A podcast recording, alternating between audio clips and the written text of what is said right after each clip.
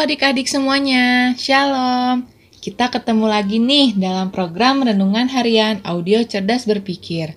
Semoga kita semua bisa sama-sama belajar ya melalui program ini. Adik-adik, kemarin kan kita sudah mendengarkan pembahasan soal penyakit tanpa adanya rasa sakit kan? Terus kita juga belajar bahwa kesombongan adalah penyakit karakter yang ternyata sering kita nggak sadari. Nah, jadi hari ini Kak Karen mau bawain hal yang lain nih, yang mungkin kita alami tetapi kitanya tidak sadar, yaitu inferior complex. Apa sih inferior complex itu? Nih, Kak Karen mau jelasin.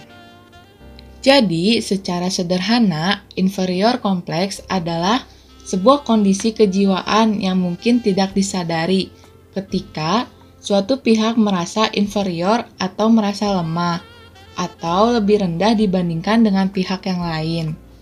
Bahasa gampangnya nih, yaitu minder. Minder tuh awalnya berasal dari penilaian yang buruk terhadap diri sendiri. Ya, bisa jadi dikarenakan terlalu sering membanding-bandingkan kekurangan diri sendiri dengan kelebihan yang dimiliki oleh orang lain. Biasanya tuh orang akan menjadi ngerasa inferior dikarenakan tiga hal ini. Yang pertama adalah fisik. Dia melihat orang lain cantik, tetapi dia merasa bahwa dirinya kurang cantik, dan yang lain sebagainya. Lalu yang kedua, dilihat dari kondisi ekonomi. Dia berasal dari keluarga yang ekonominya pas-pasan. Ini bisa membuat dirinya menjadi minder. Nah, sebenarnya juga kondisi ekonomi keluarga itu gak bisa disalahin juga kan? Lalu yang ketiga, dapat dilihat dari kemampuan.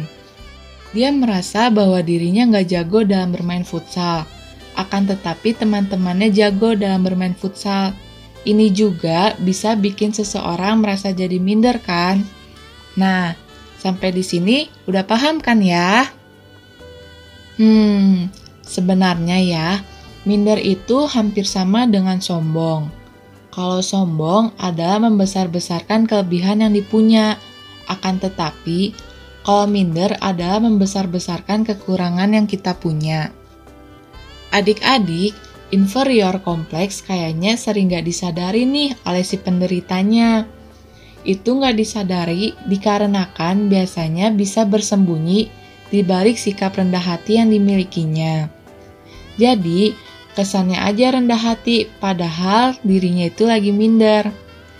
Seperti, jangan pilih aku deh, aku mah gak sehebat dia ngedance-nya. Hmm, hati-hati aja ya. Itu bisa jadi pura-pura dalam bersikap rendah hati.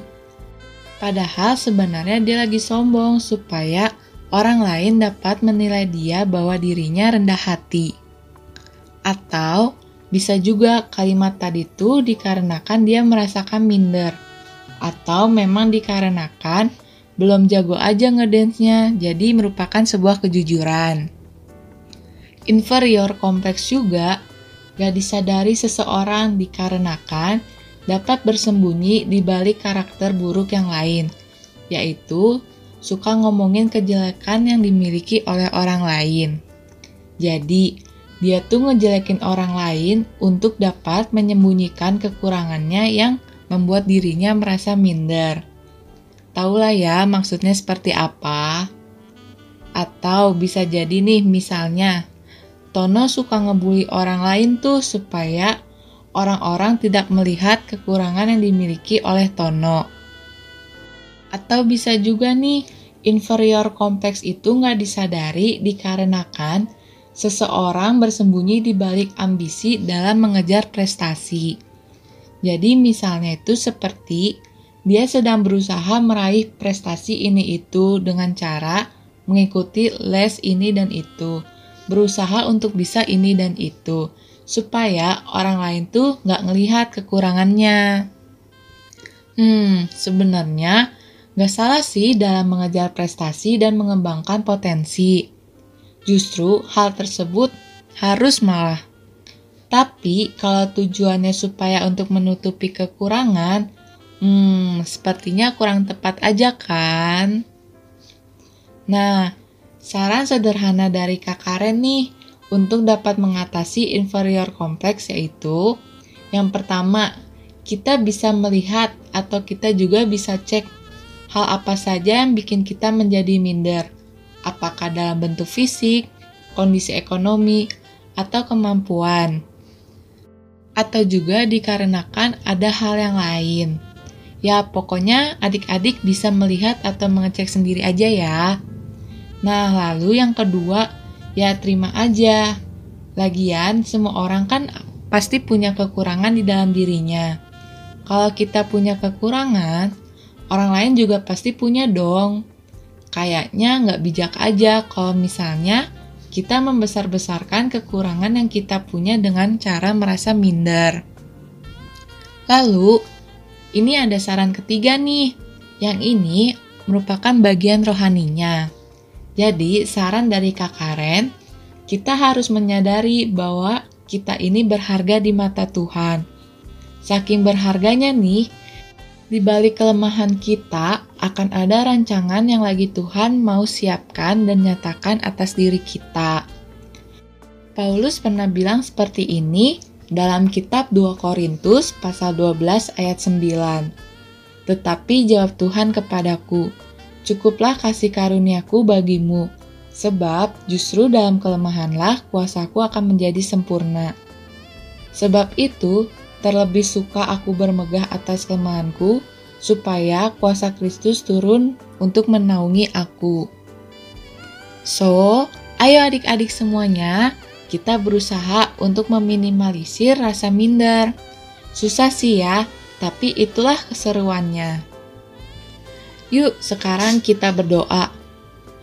Tuhan Yesus, terima kasih atas waktu yang sudah Engkau berikan kepada kami saat ini untuk kami semua dapat mendengarkan sebagian dari firman-Mu. Tuhan, saat ini kami mau berdoa agar kami bisa selalu bersyukur dengan apa yang sudah Engkau berikan kepada kami selama ini. Berikanlah juga kami kekuatan di dalam diri kami, dan bantulah kami untuk menghilangkan rasa minder dalam hati dan pikiran kami, serta rasa sombong dalam diri kami. Ya Tuhan, kiranya apa yang menjadi kekurangan dan kelebihan dalam diri kami ini bisa dijadikan sebagai berkat bagi orang-orang di sekitar kami dan bisa selalu memuliakan namamu. Dalam nama Tuhan Yesus kami sudah berdoa dan mengucap syukur. Haleluya. Amin. Oke adik-adik, tetap sehat, tetap semangat, dan tetap menjadi berkat ya. Jangan lupa bahagia juga ya. Tuhan Yesus memberkati. Dadah!